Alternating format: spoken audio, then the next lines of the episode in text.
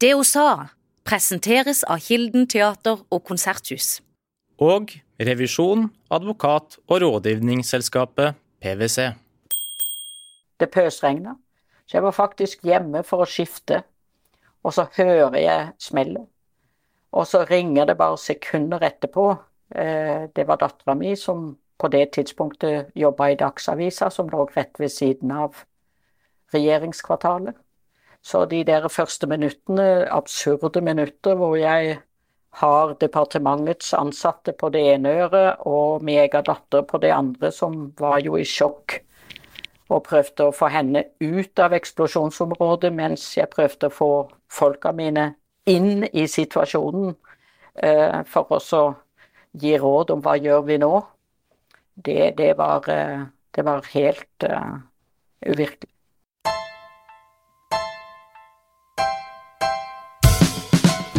Grete Faremo, velkommen til det hun sa. Tusen takk skal du ha. Denne gangen er vi dessverre ikke i samme rom. Du sitter i Oslo, jeg sitter i Kristiansand. Men vi møttes for veldig kort tid siden. Det var i Setesdal, på Hovden nærmere bestemt, da du var deltaker på Setesdalskonferansen. Før jeg gikk, så sa du til meg eh, livet er skjørt. Og så har jeg gått og tenkt litt på det etterpå. Hva, hva la du i det? Eh, at jeg fikk en eh, kreftdiagnose så å si helt ut av det blå eh, jula for ja, nå snart to år siden.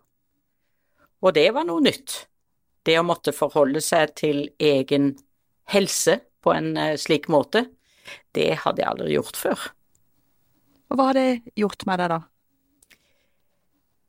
Det er klart, med åra, og nå har jeg fylt uh, 67, så lærer en seg jo at uh, det er mange ting man tror er veldig viktig, og så er de kanskje ikke så viktig. Men uh, når du blir stilt overfor en slik diagnose, så iallfall ble jeg veldig opptatt av at uh, det der, det skal gå bra. Og jeg var jo i de mest fantastiske hender på sykehus, eh, og eh, det eh, Kall det den innsatsen som ble nedlagt for at jeg skulle bli bra igjen, det gjorde noe med meg. Og jeg gjorde også det jeg kunne sjøl for å, å, ikke la meg grave ned, for det er noe med det òg. Så jeg lærte meg å sette pris på dagene eh, slik de kommer, og ta mulighetene når de kommer. Du sa nå at um, du ble bevisst på hva som er viktig, og hva som ikke er viktig. Hva er det som er viktig for deg? Ja, det er uh, jo selvsagt de aller nærmeste, og de slo jo ring om meg på en helt fantastisk måte. Og så er det eh, også det å, ja ta vare på flokken sin, og den er jo noen ganger større enn man tror. Og eh, det å eh, være del av eh, noe også utafor sykdommen, det var viktig. Så jeg lærte litt om hvordan tenke balanse, som jeg kanskje ikke hadde gjort før. Jeg har jo jobba altfor mye. Jeg har sannsynligvis trukket veksler på mine omgivelser i alle år. Eh, og lært meg å kanskje tenke litt annerledes om det. Har du blitt overraska over deg sjøl i den prosessen som du har vært i? Det falt eh, vel først og fremst naturlig. Eh, og så satte jeg jo pris på tilbakemeldingene f.eks. fra legene om at nå gjør du en viktig innsats selv, bare med rett og slett ei positiv tilnærming til Eh, det som var i utgangspunktet en forferdelig sykdom. Så jeg lærte å telle seire eh, på en eh, ny måte. Jeg slapp eksempel stråling. Det var en seier. Jeg måtte gjennom cellegiftkur, men jeg visste allerede før den ble satt i gang, at det ikke var spredning, så det var en seier, og at jeg da fikk lov til å få en forebyggende behandling, skjønner du? Eh, likevel, gjennom den cellegiftkuren, det eh, var også noe som jeg i lengden har lært meg å sette pris på. Du sa at du har jobba mye, kanskje altfor mye. Eh, noen av de som hører på oss, de er kanskje så unge at ikke de kjenner så godt til din karriere. Så hvis du skal beskrive deg sjøl for de som ikke kjenner Grete Faremo, hvem er du? Ja, det er vanskelig. Men født eh, på Byglandsfjord i 1955. Hadde en veldig trygg eh, oppvekst med foreldre, Åsmund og Tora, og tre brødre, Emil, Halvard og Ånon. Eh, det er klart pappas krigsbakgrunn lærte meg nok veldig tidlig at jeg ikke skulle ta verken fred eller frihet, demokratiet, for gitt. Så da jeg valgte å studere juss, så var det faktisk eh, også ganske bevisst ut fra et ønske om å lære samfunnet bedre å kjenne. Med juridikum i lomma så eh, ble jeg veldig eh, fort eh, engasjert i internasjonalt solidaritetsarbeid. Jobba mange år i Norad og daværende Departement for utviklingshjelp, men er nysgjerrig av natur, så plutselig fikk jeg muligheten til å hoppe over til byutvikling med Aker Brygge-prosjektet i Oslo. Og jeg fikk eh, denne berømmelige telefonen ut av det blå eh, fra Gro Harlem Brundtland om jeg ville være med i regjering fra 1990. Så seks år da, to år som bistandsminister og fire som justisminister, før jeg igjen nysgjerrig eh, sa ja til et tilbud om å jobbe i Storbrann, lærte om finans, Igjen kom det en headhunter og spurte vil du være med og jobbe i Microsoft. Var med på å bygge opp en eh, eh, Kall det gjerne lobby og juridisk virksomhet i Norden og senere Vest-Europa.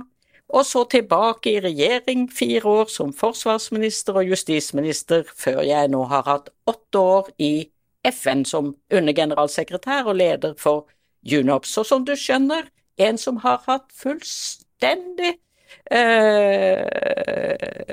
ja, det har vært helt umulig med karriereplanlegging. Det har jeg aldri klart. Og likevel hatt et kjempeprivilegert eh, arbeidsliv. Og så er jeg gift med Magne. Han eh, er skuespiller, og nå pensjonert skuespiller og frilanser. Og mor til Oda. Og så pleier jeg å si også så heldig at jeg har bonusbarnet Tone, og dermed også barnebarn. Det er meg. Vi befinner oss jo i en, en ganske sånn dramatisk situasjon i verden nå, og i Europa. Du har jo vært forsvarsminister sjøl. Hva tenker du med, med den bakgrunnen om det som skjer nå? Ja, vi starta med å snakke om bakgrunnen, og at eh, hos oss var det aldri noe man kunne ta for gitt, Eh, dette demokratiet vi er så heldige å bo i. Eh, og at vi nå har en situasjon hvor demokratiske verdier står under hardere press enn noen gang. At vi igjen har krig i Europa, er forferdelig. Og hvordan også ny teknologi gjør oss enda mer sårbare.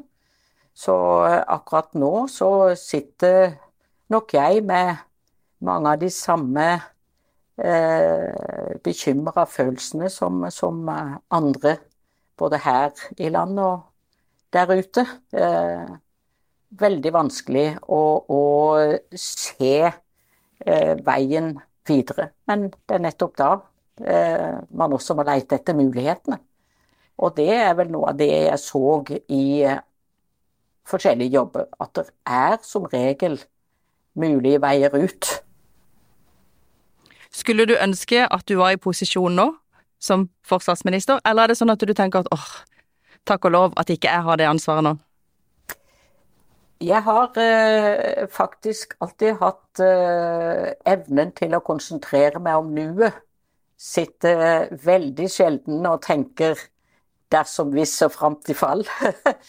Så jeg syns politikk er interessant. Jeg syns politisk virke er kjempeviktig. Men jeg sitter ikke og ønsker meg inn i en slik posisjon nå. Nei, det gjør jeg ikke. Du sa at du tenker muligheter. Altså det, det, er dramatisk, det er bekymringsfullt, men du ser også muligheter. Kan, kan, du si litt om det? For meg så handler vel eh, politikk veldig mye om nettopp det å se muligheter. Eh, løsningsorientert. Det å finne tiltak som tillitsmann, som virker på vegne av de du har tillit fra, eh, har hele tida vært eh, viktig.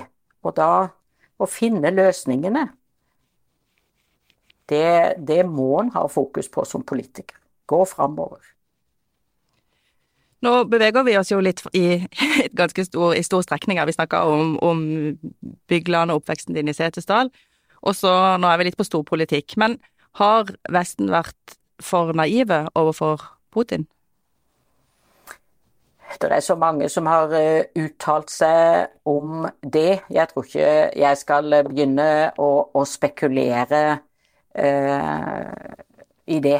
Men eh, vi har jo eh, en nabo i øst som vi har måttet forholde oss til alltid.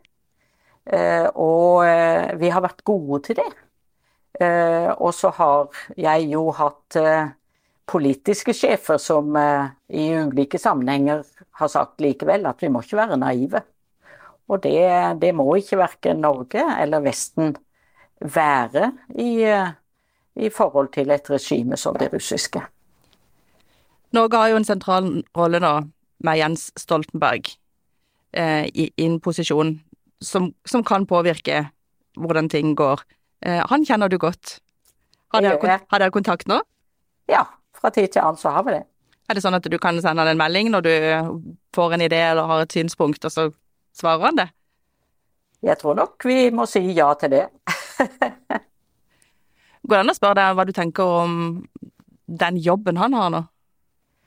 Jeg har så stor respekt for Jens, og nå har han stått i dette presset i eh, så mange år. Eh, og likevel eh, så ser jeg at han, eh, kall det gjerne, kjemper videre.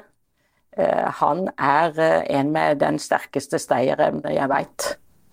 Og i den posisjonen nå så klarer jeg ikke å se noen som, som kunne vært bedre.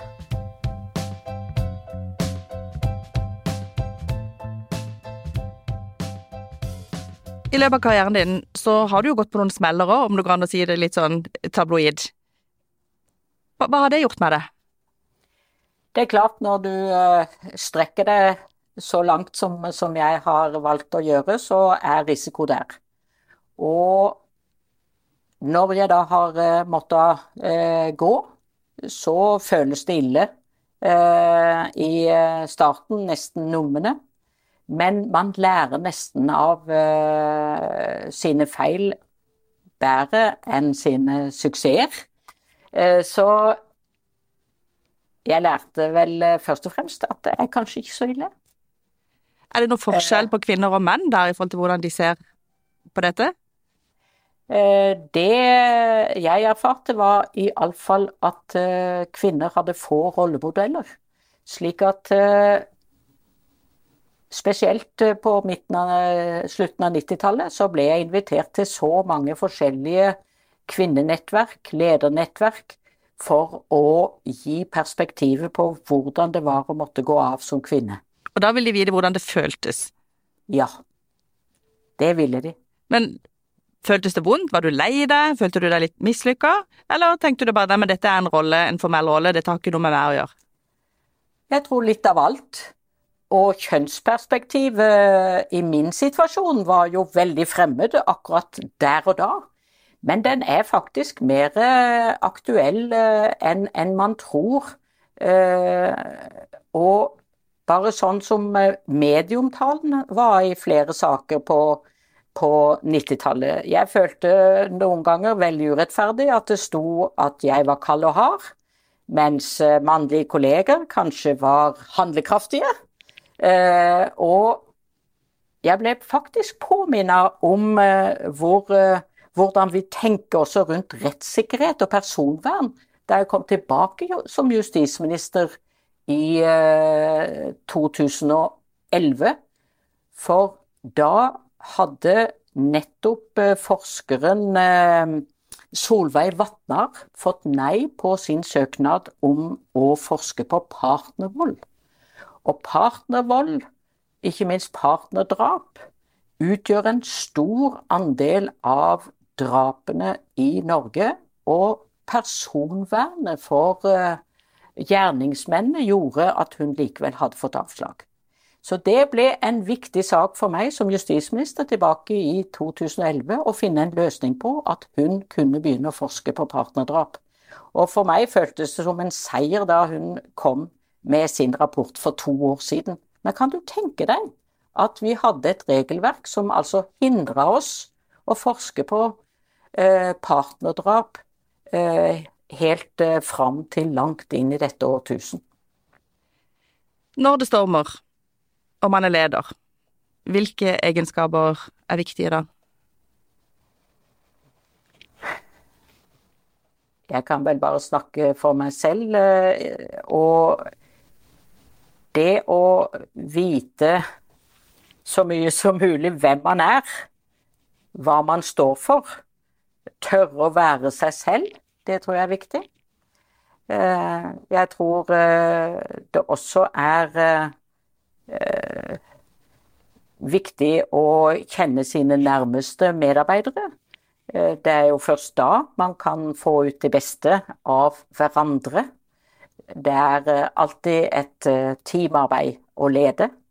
Samtidig så skal man vite at the buck stops with you. Altså det er viktig å kunne ta beslutninger.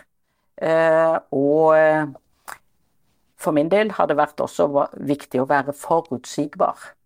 Det å vite hvor de har meg, de som jobber nært på meg. Og, og, og hvordan gjør du det, da, som leder? Hvordan sørger du for at du er forutsigbar, og at de rundt deg vet hvor de har det? Eh, jeg håper eh, folk rundt meg eh, har sett meg som tilgjengelig. Det å kunne komme og drøfte en sak. Jeg legger vekt på delegasjon og tillit, med andre ord ansvarliggjøring. Så det å også se folk nær seg, tørre å ta ansvar, har vært veldig givende.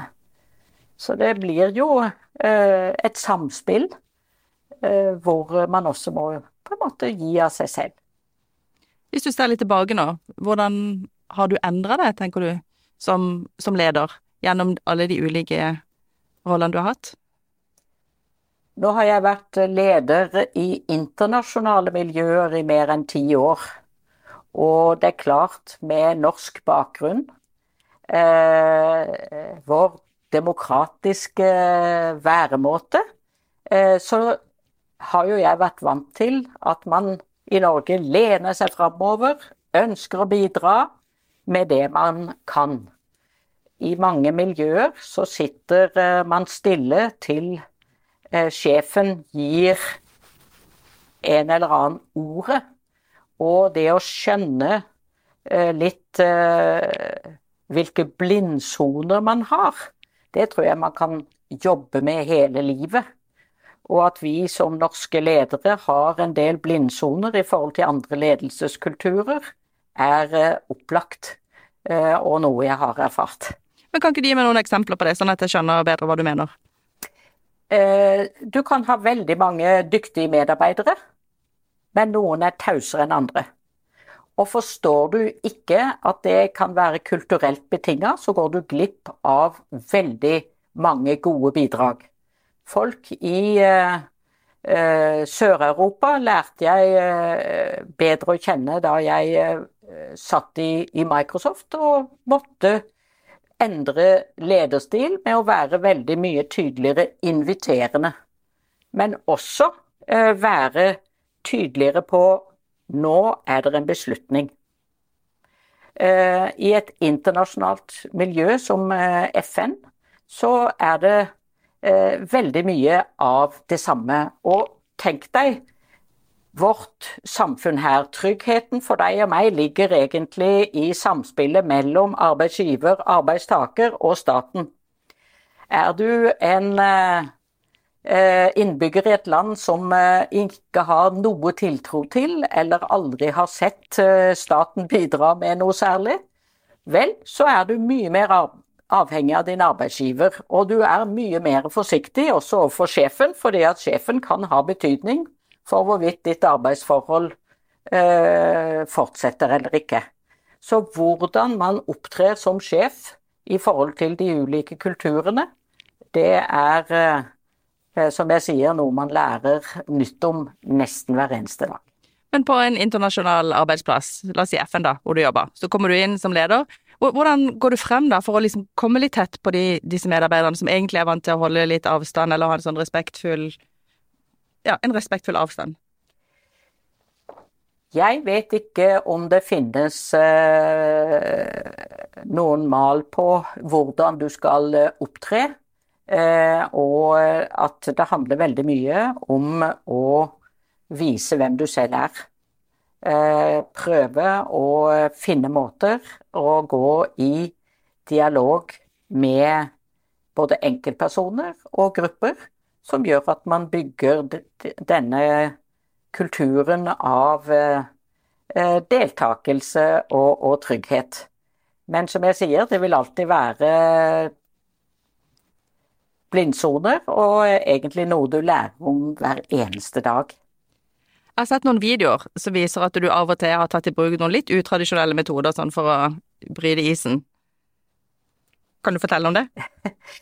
ja, når du har medarbeidere fra mer enn 100 eh, land eh, som eh, snakker så mange ulike språk og kommer med så mange ulike eh, bakgrunner, så bryter sand isen.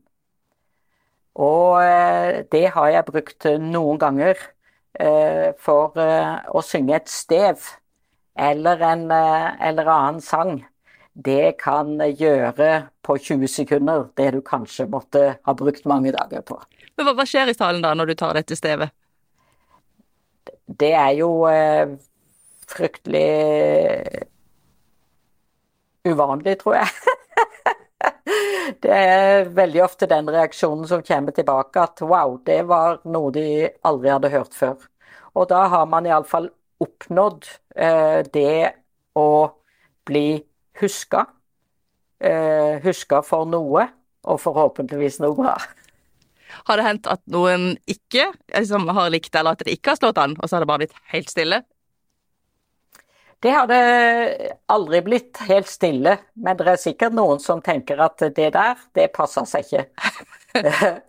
og jeg har jo eh, sånn sett også, da jeg gikk inn i den norske regjeringen, eh, tatt ned eh, sanggleden til å stort sett bare synge i private sammenhenger, for jeg innså jo ganske fort at det fikk uforholdsmessig stor oppmerksomhet.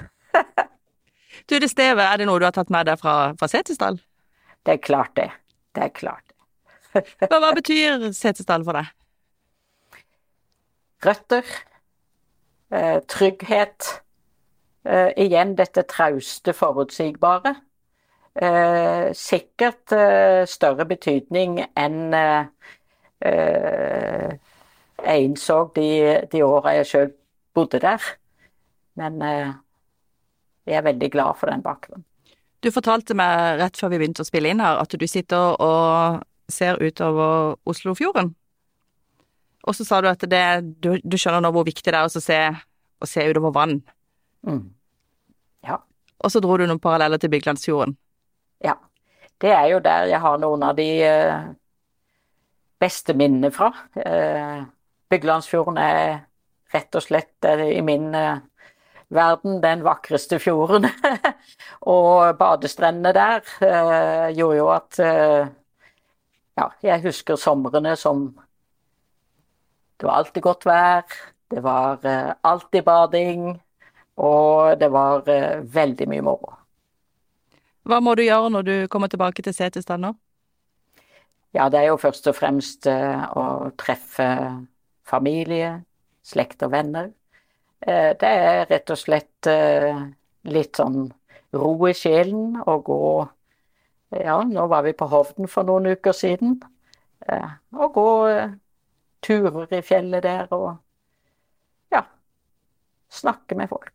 Ser du på det som setestøl, eller ser du på det som østlending, da? Alltid setestøl. Og hva er det som kjennetegner setestølene? Nei, vi er vel litt uh, Ja, jeg, i og med at jeg har drevet med det jeg har, så kan jeg jo ikke si at vi er vel litt formelte. for uh, det tror jeg ikke jeg kan skryte på meg. jeg pleier å si det at med tre brødre så måtte jeg ta ut i kjeften det jeg ikke hadde i muskler. uh, men ja jorda. Vi er jorda. Og hvor viktig er det når du tar tunge toppjobber med mye ansvar, sånn som du har gjort? Jeg tror det er uh, alfa og omega. Uh, man blir brått voksen uh, når man plutselig står midt oppi, som jeg gjorde første runden som justisminister, i flere flykapringssituasjoner. Som forsvarsminister, da vi mista soldater eh, på afghansk jord. Eller da det smalt 22.07.2011. Da eh, må du både eh, vite hvordan eh, håndtere en situasjon, og at du håndterer den eh, på en måte som, eh, ja, som du klarer selv. Jeg hadde tenkt å spørre deg om hvilke situasjoner som har gjort mest inntrykk på deg? Nå, nå nevnte du noen her sjøl, men hvis du skal trekke frem en eller to sånne episoder som har satt spor i deg, eh, hvilke episoder vil du trekke frem da? 22. juli er jo eh, noe av det verste både nasjonen har eh, erfart eh, etter andre verdenskrig, og, og det var personlig forferdelig. Hvilken rolle hadde du da? Da var jeg forsvarsminister. Jeg hadde vært eh, på Akershus og delt ut medaljer til hjemkomne soldater fra Afghanistan. Det pøsregna. Så jeg var faktisk hjemme for å skifte, og så hører jeg smellet. Og så ringer det bare sekunder etterpå. Eh, det var dattera mi som på det tidspunktet jobba i Dagsavisa, som lå rett ved siden av regjeringskvartalet. Så de der første minuttene, absurde minutter, hvor jeg har departementets ansatte på det ene øret og min egen datter på det andre, som var jo i sjokk, og prøvde å få henne ut av eksplosjonsområdet mens jeg prøvde å få folka mine inn i situasjonen eh, for å gi råd om hva gjør vi nå. Det, det, var, eh, det var helt uh, uvirkelig. Hva, hva gjorde du da? Nei, det var jo eh, å holde denne kontakten eh, med folka mine for at vi skulle lene oss forover så mye vi kunne, selv om dette var eh, en sivil hendelse. Så er det jo veldig klare regler for hvordan Forsvaret kan støtte, og hvor vi klargjorde for å være helt beredt på anmodning. Så eh, det var det som eh, opptok meg de første minuttene og, og timene der, og selvsagt eh, sammen med mine regjeringskolleger. Og da du fikk den telefonen, eller de telefonene, hvor, hvor var du da, hvis du tar oss med tilbake? Da var jeg hjemme for å skifte. Jeg var, var pissvåt. Ja.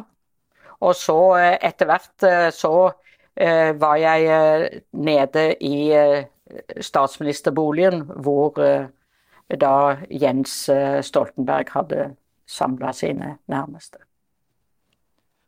Var du sånn da at du følte mest, eller tror du at det var, da, var du da den rasjonelle som bare tenkte oppgaver, hvordan løser vi de? Tiltaksmodus.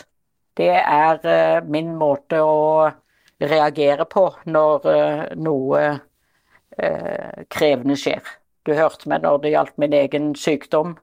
Det ble som en prosjektplan som skulle gjennomføres. Og det samme med alvorlige hendelser i, i jobben. Hvordan er det vi best kan handle nå for å møte situasjonen? Er du da en person som må ha ro og sette deg ned og tenke, eller er du en som umiddelbart må høre hva andre tenker? Mest mulig fra også hva andre tenker. Eh, nettopp da eh, føler jeg teamet er viktig. Eh, der sitter spesialister på sine ulike områder, og for å kunne treffe de gode beslutningene, så må du ha innspill. Det er jo ikke et spørsmål om det var vondt og vanskelig, for det var det selvfølgelig, men er du en person som liker når det skjer noe, når du på en måte Altså liker du å være på jobb og være på vakt når det skjer noe? Eh, absolutt. Da mener jeg sjefen skal være på om det skjer noe. Men vi ønsker jo alle å unngå de eh, alvorlige hendelsene. Men eh, jeg har aldri hatt noe ønske om å ta ansvarsfulle jobber for å unndra meg ansvaret. Hvilken, det ja. følger med. På hvilken måte har den hendelsen 22. juli prega deg videre i, i, livet? Igjen så kommer jo dette at man setter pris på eh, det man har. Eh, jeg eh, tenker også med stor respekt og, og, glede på alle de dyktige kollegene som, som jeg har hatt i både parti og i, i politisk virke. Det var forferdelig å se hvor mange liv som gikk tapt den dagen, og desto mer eh, setter man pris på samværet eh, med ja, kolleger etterpå det.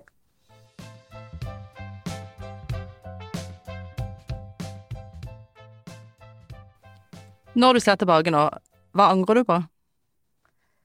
Nei, jeg har veldig lite sansen for å dvele ved det eh, som man eventuelt eh, burde gjort annerledes. Jeg ser framover. Du har jo opplevd masse, og vi kunne sikkert snakka i flere timer. Men eh, kommer du til å fortelle fra livet ditt i en bok en gang, tror du? Det er flere som har spurt om det, og eh, det Jeg har aldri vært en person som har utelukka noen ting, men jeg har ikke følt det naturlig å, å trekke fram eh, ting og, og, skrive bok uh, når ting har vært for ferske, så vi får se. Vi får se. Kanskje? ja. Du skal litt tilbake til den seinere karrieren din. I 2014 så fikk du en jobb i FN. Stemmer. Uh, Un UNOPS, vil du si hva det står for? Det står for altså FNs eh, kontor for prosjekttjenester. Så det er klart eh, UN det er det samme som FN, og så OPS det er Office of Project Services. Og hva var ditt mål da du gikk inn i denne jobben? Du hadde kontor i København? Det hadde jeg. Og eh, jeg har vært opptatt av internasjonal solidaritet, som jeg sa fra starten av internasjonalt samarbeid. Jeg er helt sikker på at det er en viktig forutsetning eh, for eh, utvikling. Og denne organisasjonen er nesten å sammenligne med et rådgivende ingeniørfirma som eh, gjennomførte prosjekter. Og grunnen til at jeg gikk inn i jobben da jeg fikk muligheten, var nettopp det å kunne gjøre en forskjell. Gjennom prosjektgjennomføring så har jeg jo sett hvordan vi var med på å endre mange menneskers hverdag. Og noe av det dere skulle gjøre, det var å bygge hus i ulike land? Ja, nå tar du eh, tak i et nytt initiativ. Men UNOPS eh, gjennomførte i de åtte årene jeg var der, eh, ca. 800-1000 prosjekter årlig. Eh, og veldig mye var infrastruktur. Veibygging, det var husbygging, det var vann. Eh, tilgang på bærekraftig eh, grønn energi. Altså infrastrukturbygging. Og i noen av verdens vanskeligste områder, Midtøsten, Fjerne Østen, altså veldig stort program i Myanmar, i Afghanistan, Eh, og også i veldig mange latinamerikanske land, for ikke å snakke om sør for Sahara i Afrika. Og i eh, denne perioden på eh, åtte år så tredobla vi faktisk virksomheten. Og var også faktisk i stand til, med den store risikoen vi tok hver dag, i stand til å bygge en liten økonomisk reserve det var jo ikke for å tilbakebetale til noen eh, aksjonærer, det var penger som skulle pløyes tilbake igjen i prosjekter. Og da eh, etablerte vi et initiativ eh, som eh, var retta mot å bygge billige, men gode boliger til lavinntektsfamilier. Og også grønn energi i områder som trengte det. Vi var beredt på å investere egne penger i det. Og det er de prosjektene som nå står i risiko for eh, å tape pengene eh, av grunner som du sikkert kommer tilbake til, men hvor eh, det altså, mens du og jeg snakker, pågår en etterforskning av mulig korrupsjon. Og i vår så valgte du å, å trekke deg fra den stillingen? Ja, i og med at etterforskningen eh, dreier seg eh, om min eh, tidligere nestleder, så fant jeg det riktig å ta det formelle ansvaret og gå av. Jeg har stolt på en person som har misbrukt tilliten og satt organisasjonen i en eh, situasjon ingen ønska seg. Og eh, for å komme godt i gang eh, med nye prosjekter, dette viktige arbeidet må fortsette, så fant jeg det riktig eh, for min del å gå av. Og jeg skulle av med pensjon uansett, men eh, de månedene eh, som jeg valgte å gå av tidligere, det var med tanke på å kunne gi organisasjonen noe mer arbeidsro. Åssen var det da å, å, avslutte på den måten? Nei, det skjønner du, det var eh, vondt. Eh, og det var eh, veldig eh, vondt å se kolleger eh, også ha det vondt. Eh, for dette var en person som hadde jobba i FN siden tidlig 90-tallet og eh, hatt veldig mange år som både min og min forgjengers nestleder. Og nytt stor tillit. Opplever du den kritikken som også har rammet deg som, som urettferdig? Jeg sitter tilbake med følelsen av at jeg har hatt et meget privilegert oppdrag. Det ville være helt feil eh, å si at dette først og fremst handler om, eh, om eh, meg. Det handler om UNOPS, det handler om at kolleger skal eh, fortest mulig komme tilbake og konsentrere seg om de viktige prosjektene eh, som eh, organisasjonen gjennomfører. Du har, du har lang erfaring, har stått i en del kamper før. Hvilken erfaring er det du tar med deg som du kan bruke når du står i en sånn krevende situasjon som det? Hva er det viktigste du har lært?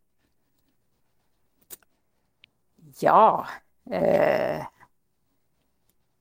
det er eh, vel kanskje dette at eh, ting er kanskje ikke fullt så ille som de føles akkurat der og da.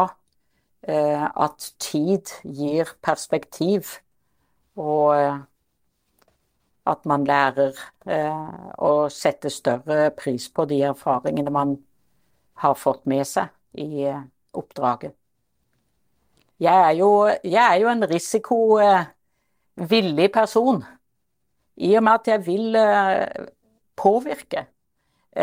Og i og med at jeg også hadde vært med på prosessen om å vedta de 17 bærekraftsmålene, så vet vi jo at skal vi gjennomføre disse djerve målene innen 2030, så kan du ikke lene deg tilbake og si at 'jeg tar ingen risiko'. Du må faktisk være villig til å ta risiko. Og de fleste gangene så går det faktisk bemerkelsesverdig bra. Jeg er veldig stolt på vegne av Junops hva vi har fått til, som jeg sier, i noen av verdens vanskeligste områder. Andre ganger går det ikke så bra, og noen ganger er feilene fatale, ikke sant? Og det å sette ting i perspektiv når du er ute etter å gjøre en forskjell, eh, blir kanskje enda viktigere. Hvis du skulle gitt den unge Grete Faremo noen råd med den erfaringa du nå har, og den, liv, den livserfaringen du har, hva, hva, ville du ha sagt til deg sjøl som, som ung? Ta sjansen. Ta eh, også ansvaret.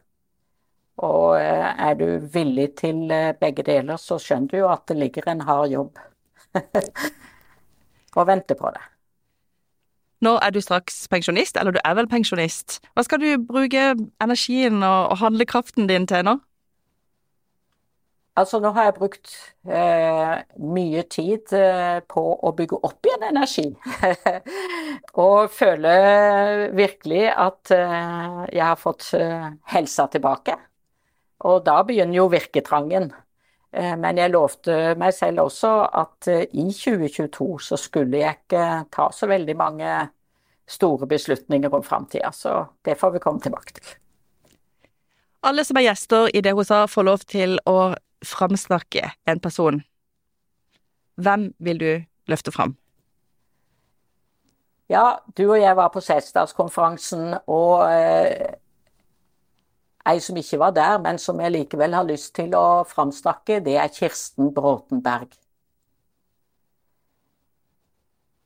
Min slekt eh, har vært opptatt av sang, dans, setesdalskulturen, bunaden, i generasjoner. Og på 60-70-tallet så sto det ganske dårlig til, både med sjøltilliten og antall utøvere. Jeg hadde tanter, bestemor, som eh, var ganske bekymra for dette. Og det friske pustet som Kirsten da kom med, da hun kasta seg over sesdalskulturen på den måten hun gjorde, fantastisk. Hvilke ord og uttrykk i språket vårt ville du helst ha kvitta deg med? Et som eh, jeg kanskje brukte altfor mye sjøl. Nei, så ille. Når var det du sa det, da? Altfor ofte. men har du slutta med det? Jeg prøver å ta meg i det, for det er som regel ikke fullt så ille. Du Grete Farmo, eh, jeg har lyst til å spørre om du har et bilde på mobilen som betyr noe spesielt for deg, som du kunne tenke deg å, å dele med oss, både historien og bildet? Akkurat nå så har jeg bilde av meg sjøl med hår. Jeg syns det er så fantastisk at jeg har fått tilbake håret etter at alt falt av. så da blir du glad når du ser på det bildet? Da føler du at det går riktig, riktig vei? Ja, det skal snart vekk igjen, men jeg syns det var veldig, veldig moro å se at eh, jeg har fått håret tilbake. Det er faktisk mørkere enn før, og det ser ut til å komme tilbake i eh, også samme mengde, så man gleder seg over de små tingene. og med det, Grete Farmo, så vil jeg si tusen takk for at du ville være med i, i det hun sa. Takk skal du ha. Tusen takk. Den tidligere nestlederen i UNOPS, som Grete Farmo omtaler, har blitt forelagt det Farmo sier om saken. Han skriver til FN at han pga. den pågående prosessen dessverre ikke kan kommentere dette. Du har hørt på Det hun sa av Federlandsvennen. Følg oss på Instagram og meld deg inn i Facebook-gruppen vår. Der kan du foreslå en gjest du har lyst til å høre i neste episode.